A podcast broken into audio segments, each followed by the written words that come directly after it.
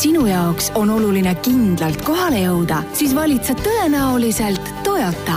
Elke hoolitseb selle eest, et sa oma Toyotast ainult rõõmu tunneksid Tallinnas, Rakveres, Kuressaares ja Narvas. Elke, sinu Toyota, meie kirg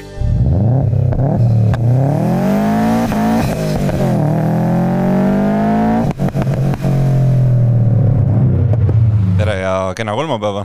Istmesoojenduse podcast on siin taas äh, nii videos kui ka helis äh, laivi minemas. istume siin Veliga ja täna räägime sellistest teemadest, et äh, alustuseks GT kaheksakümne kuuest ja BRZ-ist ehk siis. ehk siis Toyobaru BRZ kaheksakümmend kuus. just, selline sõsarmudel, kes siis ei tea, ühed sellised kõige parema hinnaklassiga ütleme niisugune äh, taaselustatud äh, legendaarne sportkupee ikkagi. et oli ju aastal kaheksakümmend kuus Toyota AE kaheksakümmend kuus, äh, kahes mudelis veel versioonis Levin ja Trueno ja see sai legendaarseks selle tõttu, et kerge, tagavedu, hea juhitavus jällegi natukene seda šassii ja veermiku mudimist ja tegu oli vägagi võimeka masinaga, mis iganes, nii gripi sõitmiseks, nii drifti, mille iganes. et GT kaheksakümmend kuus ja BRZ on siis äh, Subaru Toyota koostöös loodud äh, järeltulija ja paraku nüüd sellised uudised, et äh, ta tuli meil vist nüüd, aasta oli kaks tuhat kaksteist, kui ta avalikustati ja nüüd on siis nii, et vahepeal on ta üle elanud ühe näokergituse ja nüüd enam tellimusi vastu ei võeta, ehk siis äh, teisisõnu, need, mis ladudes on, neid masinaid saab veel osta tutikana, aga muus osas on nende tootmist äh, kokku äh,, tõmmatakse tootmist kokku. aga see ei ole üldse pahapärast, sest et äh, tulemas on uudismudel. et see, selles mõttes siin isegi, me oleme enne ka rääkinud, et siin on Jaapani sportautode uus tulemine ja see on siis üks, üks osa sellest, et jällegi Subaru ja Toyota jätkavad koostööd ja nüüd seekord on niipidi, et äh, kandmik äh, on Toyotalt äh, kõigi, peaaegu kõigi allikate kohaselt. ja mootoriks saab kahe koma nelja liitrine turbobokser Subarult. et see on olnud siin kasutusel USA turumasinatel, näiteks mingitel Ascentidel ja vist Levorgidel ka, et võeti siin kuulda igasugust tagasisidet auto kohta, et ja kriitikat, et peamiseks kriitikaks oli ju see, et äh, jõuetu, ma ei tea, oled sa sõitnud, mis tunne sul oli äh,? ütleme niimoodi, et äh, kahju, et see uudis nüüd praegusel hetkel siis välja tuleb, et kui sul on juba nagu omal no ütleme niimoodi, et tundub, et tuleb äh, hakata autovahetuse poole nüüd tüürima vaikselt mm, -hmm. et äh, kunagi siis, kui ma ostsin auto, siis ma mõtlesin samamoodi, et GT kaheksakümmend kuus ja BRZ on mõlemad tegelikult väga head variandid äh,, hea kaalujaotusega, nagu tunnetus on hea mm. -hmm aga see, mis puudu jäi, oligi see, et äh, tegelikult võimu oli vähe ja sees on selline noh, ta on ikkagi iga, iganenud seest, et sa yeah. vaatad need materjalid, äh, meelelahutussüsteem, kõik need on nagu mingisugusest äh, eelmise sajandi lõpust. ja ega ta nagu väga praktiline ka ei olnud, on ju, et no prakti-, praktilisus istmele, ei ole see peamine küsimus, aga tahaistmele mahub umbes pool inimest, et küll aga lubatakse, et nüüd nii see jõudefitsiit kui ka siis praktilisus ja sisu. kui ka infolust ja, ja kõik sisematerjalid. kõik saab värskendust, ehk siis äh, jõudefitsiit lahendatakse turboga, see oli, ma arvan, et äh, ma arvan, et kes iganes oli kõige esimene autoajakirjanik, kes sõitis kõige esimese GT kaheksakümne kuuega, siis tema üks esimesi mõtteid pärast gaasipedaali vajutamist oli, et kurat, turbot oleks vaja Turban. vist. ja, ja nüüd see lõpuks siis tehti ära. Äh, loodame, et see hinda väga negatiivselt ei mõjuta, eks ta natukene kergitab teda, aga äh, siin on jällegi see, et Toyota ja Subaru peavad silmas pidama, et nad ei hakka astuma kandadele siin nii-öelda natuke premiumimatele masinatele, stiilis Audi TT mingisugused äh, algmudelid ja asjad, et nad on väga selgelt öelnud, et nad tahavad sellest hinnaklassist allapoole jääda. küll aga jah, tehakse ruumi vast veidike juurde, äkki mahub sinna tahaistmele nüüd siis äh, juba ka üks terve inimene kuidagiviisi mingis konfiguratsioonis kas või risti. see oleks juba praktilisuse, ütleme, kahekordne kasv eelnevaga võrreldes ja noh, ja võimsuses jah, räägitakse, et kusagil kakssada viiskümmend ja natuke peale hobust. et ma arvan, et kui see mass suudetakse hoida enam-vähem selline, nagu äh,, nagu ta on olnud siiani nüüd sellel esimesel generatsioonil, mis oli stiilis mingi tuhat kakssada viiskümmend kilogrammi äkki. noh, tõenäoliselt natuke tuleb juurde, ütleme tuhat kolmsada isegi, ikkagi see on äh, rohkem kui küll, sest et äh, mulle ka noh, see jõudefitsiit minule oli tuntav siis, kui sa üritad kas kuival asfaldil temaga lõbutseda mm. Äh, või lihtsalt sirgjoones kiirendada, et siis tõesti noh, siis, siis jäi väheks, aga tasakaal, kaalujaotus, tunnetus äh,, kurvikiirused, et need on selle auto pärusmaa ja ma olen enam kui kindel, et vaadates praegu neid äh, trende, mis toimub näiteks kas või kui Subaru avalikustab jälle mingi oma uue mudeli, siis on see, et kohe näidatakse ette, et vot nii, meil on nüüd kandmikul šassiil on siia, siia, siia, siia pandud tugevdused, see on vot nii palju, nelikümmend protsenti jäigem kui eelkäijal.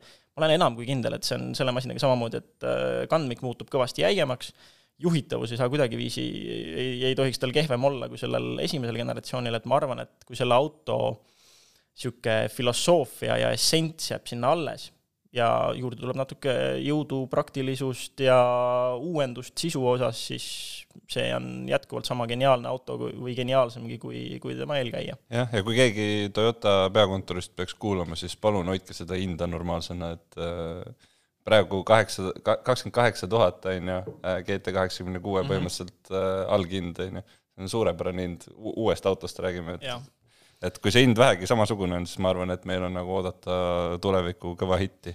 jah, siin oli selle hinnaga küll näiteks ka eelmise mudeliga, kui see näo, näokergitus tuli, siis äh, seal oli vist nii, et kui, kui sa tahad sellest maksimumi võtta, siis kõigi lisadega oli see hinnaklass juba kolm, kolmkümmend kolm, kolmkümmend neli tuhat ja see oli aastal kaks tuhat kuusteist. et ähm, kui nüüd äh, kui nüüd mõelda, mis masinad hakkavad tulema seal kolme ja neljakümne tuhande vahepeal, on ju, siis seal on juba võimalik saada blankversioone siin äh, nelikutest ja igasuguseid, igasuguseid asju tuleb seal, on ju, et äh, no need on blankversioonid, et äh, aga jällegi, oleneb, mida sa taga ajad, kui sa ajad sõidulõbu taga, siis noh, mis sa võtad nendest lisadest sinna nii väga? mida no, minimalistlikum, seda parem aga lähme siis edasi järgmise auto juurde, mis ei ole üldse minimalistlik, mis on sisuliselt nagu minimalistlikkuse vastand. maksimalismi šedööver, täielik epitoom. jah, et äh, selline surnud äh, bränd nagu Hammer on siis tegemas oma tagasitulekut ja nagu praegu tavaks on, siis tagasitulek tuleb loomulikult elektrilisena. et äh, siin on nüüd lubatud, et tuleb selline pick-up'i laadne toode äh,, Äh, aktiivselt reklaamitakse, et sellel on äh, ülisuur selline Infinity katus, äh, ehk siis millest peaks saama tähti kenasti vaadelda.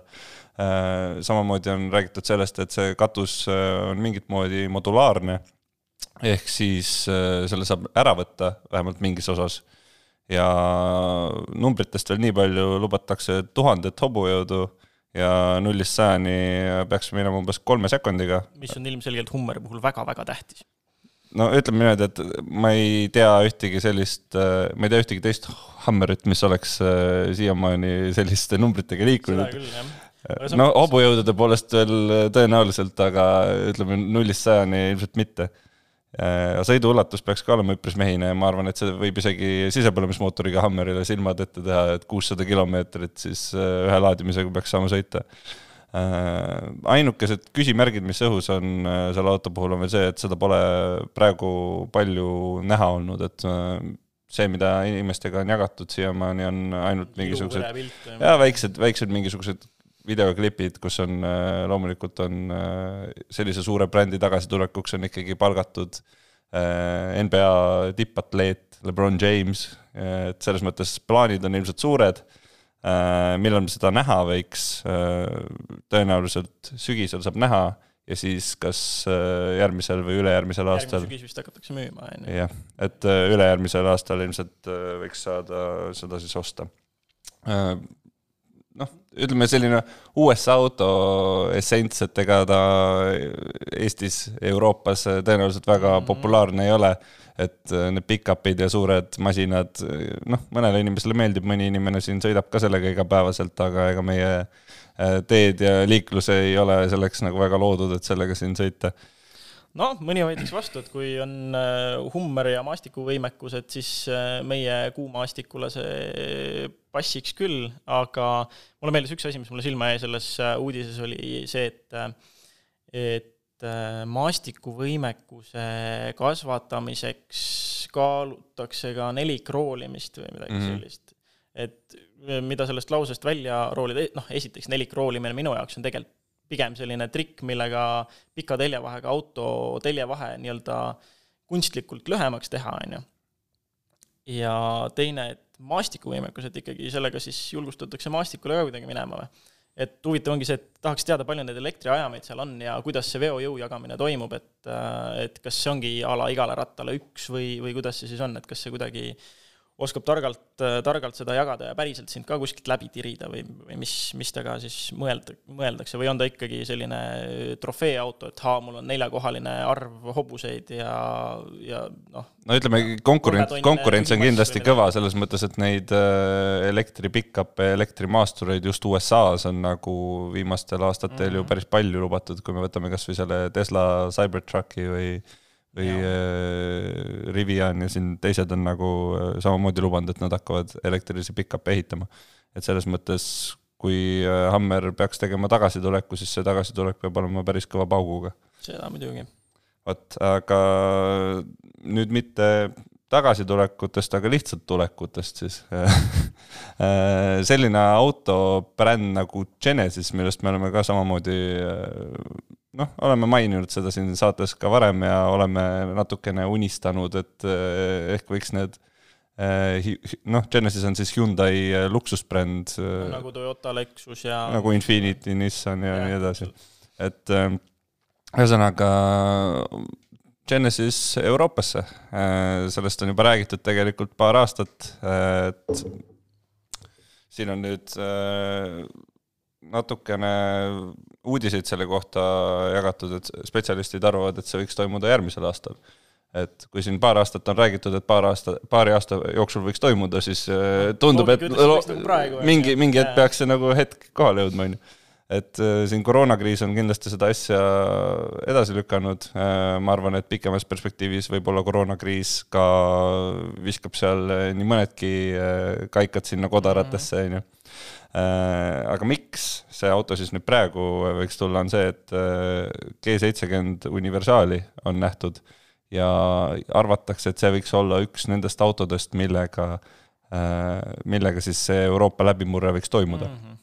Kuigi samamoodi on teised spetsialistid on ka öelnud, et see jutt on nagu täielik jama, et kui Genesis ikkagi tahab Euroopasse tulla, siis see peaks kindlasti toimuma crossoveriga kuna kui me vaatame siin, milliseid autosid meil müüakse, siis äh, tahad, tahad sa või ei taha, siis äh, kahjuks need on, äh, kahjuks või õnneks on need mm. valdavalt crossover'id. et selles mõttes võib-olla on hoopis see see õige strateegia noh, aga samas, mis iganes ka ei tuleks, üks on selge, et siin saavad olema, on ju, needsamad mootorid, vähemasti seesama kolme koma kolme liitrine V6, mis on näiteks Kiia Stingeri peal Äh, ja teeb seal kolmsada kuuskümmend viis hobust, et see on päris, äh, päris korralik jõujaam. no see on üks väga kena mootor, jah. ja Hyundai'l ja Genesisel siis täpsemalt on päris palju niisuguseid masinaid, mis seda ka päriselt sihtotstarbeliselt rakendavad, et äh, ja üldjuhul nüüd, mis on veel toredat, on see, et need masinad tulevad tavaliselt kas taga- või nelikveolistena. ehk siis selliseid lõbusamaid asju võib, võib sealt täitsa tulla küll, lõbusat ja luksuslikku. et eks tuleb lihtsalt oodata ja vaadata, et millal see, mis, mis masin see päriselt on, millega siis see avapauk tehakse. No see võiks ka kinda visata nendele sakslastele, keda meil ikkagi valdavalt müüakse, eriti just selles äh, luksussedaani äh, klassis ja nii edasi, et et seal on see, kus äh, kui me vaatame, mis autosid Hyundai praegu pakub, millised on nende eelised, on ju, garantiid mm., head ülalpidamiskulud ja nii edasi, siis tegelikult needsamad võiks ka edasi kanduda sellele Genesise luksusbrändile ideaalis. loogiline oleks nagu jah, et äh, et kui me räägime siin nüüd ikkagi äh, luksuslikust sedaanist, millel on seitsmeaastane garantii, siis see on ju midagi, mida nii mõnigi tahaks osta, ma kujutan ette et äh, aga, aga siin üks võtmeküsimus selle juures on nüüd see, mida nüüd meie teeme, et äh, Hyundai enda asjapulgad siis kõrgemalt äh, tasemelt on öelnud, et enne kui Genesis üldse Euroopasse saab tulla, siis on tegelikult vaja arendada bränditeadlikkust, ehk siis inimesed peaksid teadma, mis auto see on seega see ongi nagu ka meie väikene panus sellesse siis, et need äh, toredad autod ikkagi tuleksid äh, Euroopasse ja miks mitte ka Eestisse, et ja.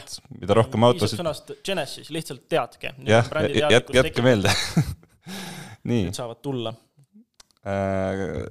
rääkides siin bränditeadlikkusest, siis lähme oma proovisõiduauto juurde, Renault Zoe Zoe on üks elektriauto, mis on siin viimastel aegadel tegelikult väga palju saanud kiita ja mida peetakse ka sellise tänapäevase elektriauto ekvivalendiks tegelikult, et äh, väga hea sõiduulatus, on ju.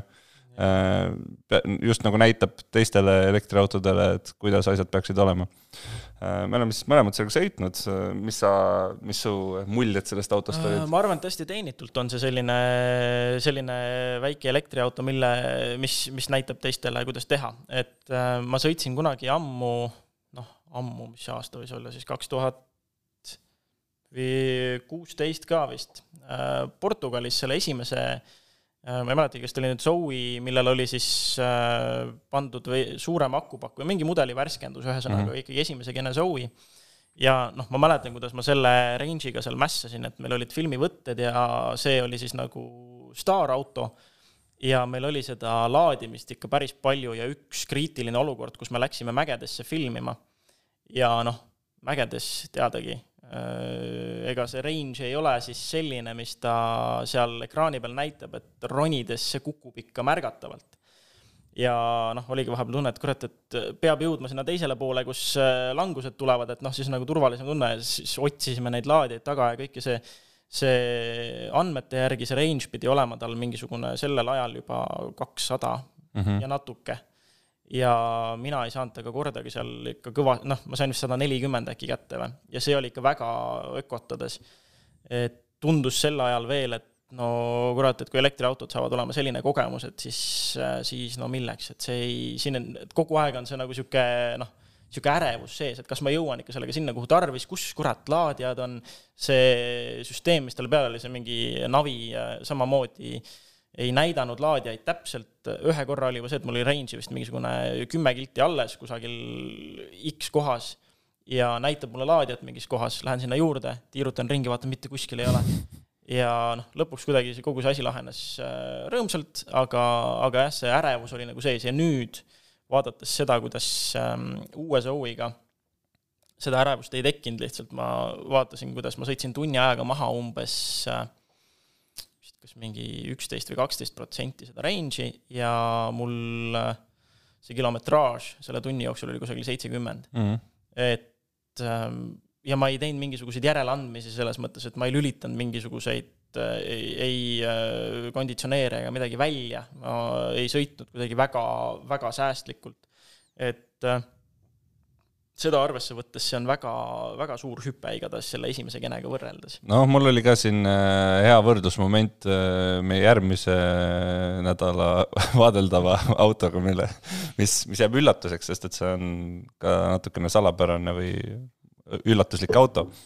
aga ütleme niimoodi, et see auto ei käitu kindlasti niimoodi, kuigi ta on ka elektriline, aga ta ei käitu niimoodi, nagu käitub Zoe, et jah, ma olen sinuga nõus selles mõttes, et seal ei teki seda tunnet, et sa peaksid tegema järeleandmisi, kuigi selle teise autoga täpselt niimoodi oli, et sa ja. kogu aeg mõtled, okei okay,, kus on laadija, kus, kui ma tahan kuhugi sõita näiteks Eestis, kus mm. ma seda laadima pean kas ma kliimaseadme jätan sisse või mitte, kas ma raadio lülitan yeah, sisse või mitte ja nii, nii edasi, et, et seal nagu seda probleemi ei ole äh, Zoe puhul, et äh, kõike saab teha ja sellest ei juhtu mm. mitte midagi. et sisuliselt. mis, mis, mis meil Zoe kohta üldse öeldakse, range'i mingi ne-? alla neljasaja jah, mingi kolm, kolmsada viiskümmend mm. kuskil seal et see tegelikult tõesti selle kogemuse põhjal, mis mul oli, igatahes tundub täiesti realistlik ja saavutatav ilma mingeid suuri järeleandmisi tegemata et äh, väga suur hüpe edasi äh,. praktilisuse poole pealt äh, ta ongi väike, ta ongi pigem nelja inimese auto ähm,, tal näiteks helisüsteem, noh, natuke niisugune flat, et noh, ei ole nagu, ta ei ole niisugune, ta ei tundu kusagilt otsast premium või niisugune, ta ei hüppa üle oma varju. aga samas ikkagi materjalid tundusid enam-vähem niisugused, äh, enam-vähem mõnusad, tal on kerget niisugust futuilmet ja ma ütleks, et nagu hinna poolest on ka see on, et selle hinna eest sa ka ei oota mm -hmm. mingisugust, ma ei tea, mida. ongi mul selles mõttes Renault osas viimati, lihtsalt viimatine kogemus uue Renault'ga oli siin ju sellel aasta auto valimisel äh, Clio'ga mm, -hmm. kus mhm. ma vaatasin, et äh, sõitsin ja vaatasin neid materjale ja seda kujustust ja mõtlesin, et no päris hästi suudetud teha niisugune asi, mis tundub kergelt niisugune futuilmeline omamoodi ja, ja siis vaatasin seda hinda ja mõtlesin päriselt, et, et selline hind ka veel maru madal. et see oli konkreetselt näide autost, mis minu jaoks hüppas üle oma varju. Et sa saad selle raha eest palju rohkem autot. Mm, et Zoe'iga päris seda tunnet ei olnud, tundub, et see hind kusagil äh, kolmekümne kahe tuhande juurest algav hind ja see, mis sa sellest saad, on enam-vähem äh, omavahel ikkagi balansis. tasakaalus, jah. Ja..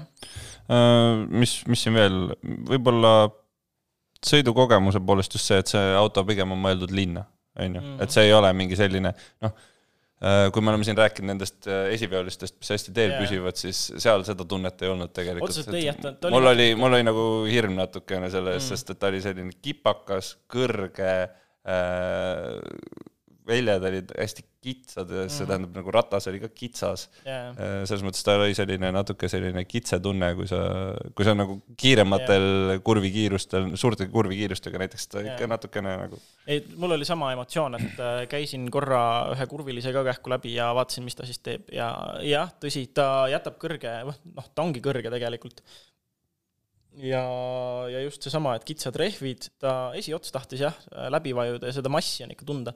noh, ma sõitsin Zoe'iga kohe pärast äh, tuhande kilogrammise Toyota Corollaga sõitmist, et äh, siis oli muidugi veel eriti rõhutatud see, see mass, aga ta tundub jah, ikkagi raske esiots vajub läbi selles mõttes, aga samas minek on krapsakas. et linnas kindlasti sellega kusagil jalgu ei, ei jää ja no see ei ole ka tegelikult ju mõeldud selle jaoks auto, et see ongi mõeldud säästlikuks sõiduks ja seda see teeb väga hästi, et selles ei ole mingit küsimust.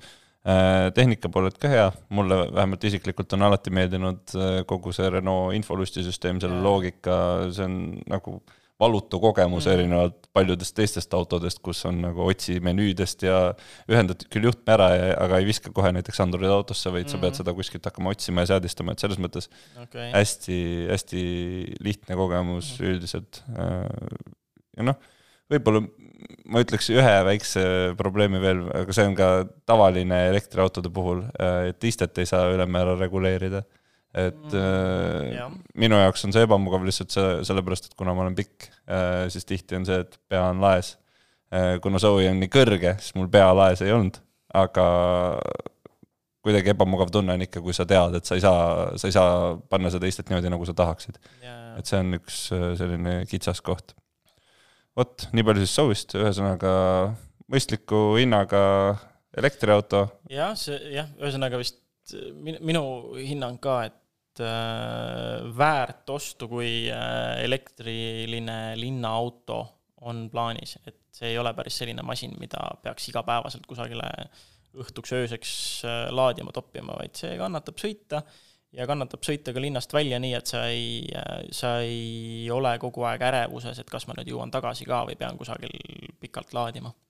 jah, selles mõttes äh, need kiitused on igati teenitud, et äh, auto teeb seda, mida lubab ja, ja nii ongi äh,. nipinurga teema, kuna siin lähipäevadel on lubatud soojemat ilma, siis äh, räägime natuke sellest, kuidas kliimaseadet oma autos äh, õigesti kasutada ja kas ja kuidas seda üldse kasutama peaks äh,. nii, ühesõnaga kõige olulisem äh, minu arust või ma ütleks, et see on isegi üks asju, mis mind kõige rohkem närvi ajab, kui ma istun inimesega autos mm -hmm. ja ta ei tea, kas tal on konditsioneer või kliimaautomaatika ja siis, kui tal on kliimaautomaatika, siis ta keerab kõik need äh, kettad kõige külmema peale ja keerab puhuri kõige põhja. selle asemel, et kliimaautomaatika võiks olla terve aeg lihtsalt automaatrežiimis. Äh, et see on nagu esimene õppetund ilmselt, et tea, missugune jahutussüsteem sul on, kas sul on konditsioneer või kliimaautomaatika, kliimaautomaatikat ei pea näppima seal võiks olla lihtsalt see temperatuur, mis sa lõpuks tahad ja tegelikult see süsteem suudab seda reguleerida sinust äh, kümme korda paremini. seda, kui palju õhku ta väljast peab võtma, kuidas ta õhku jaotama peab ja nii edasi. mul ei tule meelde, kes oli see legendaarne autoajakirjanik, kes äh, äh, seda mäletan, et välismaine võis olla seotud Top Geariga, võib-olla keegi esimestest host idest, kes ostis endale mingisuguse Jaguari ja ütles, et Äh, pärast üle kümne aasta kasutamist, et, äh, et ta ei ole kordagi puutunud omal sellel, selle kliimaseadme ühtegi nuppu, kogu aeg on automaadi peal olnud ja iga, iga kord on ideaalselt hakkama saanud. et äh, kui on automaatika, siis jah, pigem lasta sellel oma tööd teha isegi vist. nii äh,, mis siin veel punktid on äh,? Kindlasti tasuks mõelda selle peale, et võib-olla ei olegi mõistlik alati esimese asjana üldse autot tööle panna, eriti kui aega on. noh, kui me räägime näiteks, ma isiklikult tean seda vist väga hästi, kuna mul on musta värvi auto, mis tähendab seda, et kui väljas on niisugune kakskümmend seitse kraadi ja laus päike, siis äh, kui ma autosse sisse istuksin kohe ja paneksin mootori käima, siis seal autos sees on mingisugune kuuskümmend kraadi umbes. nahkistud ka või? jah Oi, mustad nah-, mustad nahkistmed, musta auto. väga ei kannata istuda. ühesõnaga, ühesõnaga jah, et äh, see on midagi sellist, mida ma olen õppinud ja ma arvan, teised võiks ka minu kogemusest õppida. et äh, lihtsam on tihti teha kõik aknad äh, lahti, teha katuseluuk lahti, lasta seal õhul natukene seguneda sellega, mis väljas on, kuna noh, väljas on, võib ka olla ikkagi soe, aga seal ei ole nagu saunas, et et lase natukene õhul seguneda Äh, näiteks Volkswagen Grupi autodel on selleks väga hea eraldi funktsionaalsus puldi peal, hoida lahti seda uste avamise nuppu äh, paar sekundit ja siis avanevad kõik aknad. ja kui on katuseluuk, siis tavaliselt avaneb ka katuseluuk tegelikult, täpselt samamoodi saab need kinni ka, äh, siis uste sulgemise nuppu all hoides mis, oskad sa enam-vähem öelda, mis põlvkonna masinatest alates see on oh,? no ütleme niimoodi, et Aja. mina tean, et mingisugune kahe tuhande kaheteistkümnenda aasta Škodadel näiteks oli see ka täpselt samamoodi mm, olemas okay., nii et äh, see peaks ikkagi olema suhteliselt selline äh, tavaline asi ja ma olen ka katsetanud mõnede teiste brändidega, mul konkreetseid nagu mudeleid ja autosid meeles ei ole, aga ma tean, et ka nii mõnegi teise auto puhul töötab see täpselt samamoodi okay.. vot äh, ja siis lõpetuseks veel üks väike trikk füüsikamaailmast, et äh, kui teil on õhuavad, siis äh, külm õhk teatavasti jääb allapoole, et kui te ei taha näiteks istuda plätudega ja oma varbaid ära külmetada, siis tasub õhuavad suunata ülespoole, sest et siis see õhk ringleb autos normaalselt. ja, ja ei puhu või tähendab, ei kogune ainult jalgade peale. vot selline asi siis lõpetuseks. ega siin polegi midagi öelda, et eks siis äh, nautige neid tulevaid soojasid suvepäevi ja, ja jälgige neid nõuandeid, mis praegu said antud ja loodetavasti tulevad need kenad. aitäh kuulamast, järgmisel kolmapäeval kuuleme ja näeme uuesti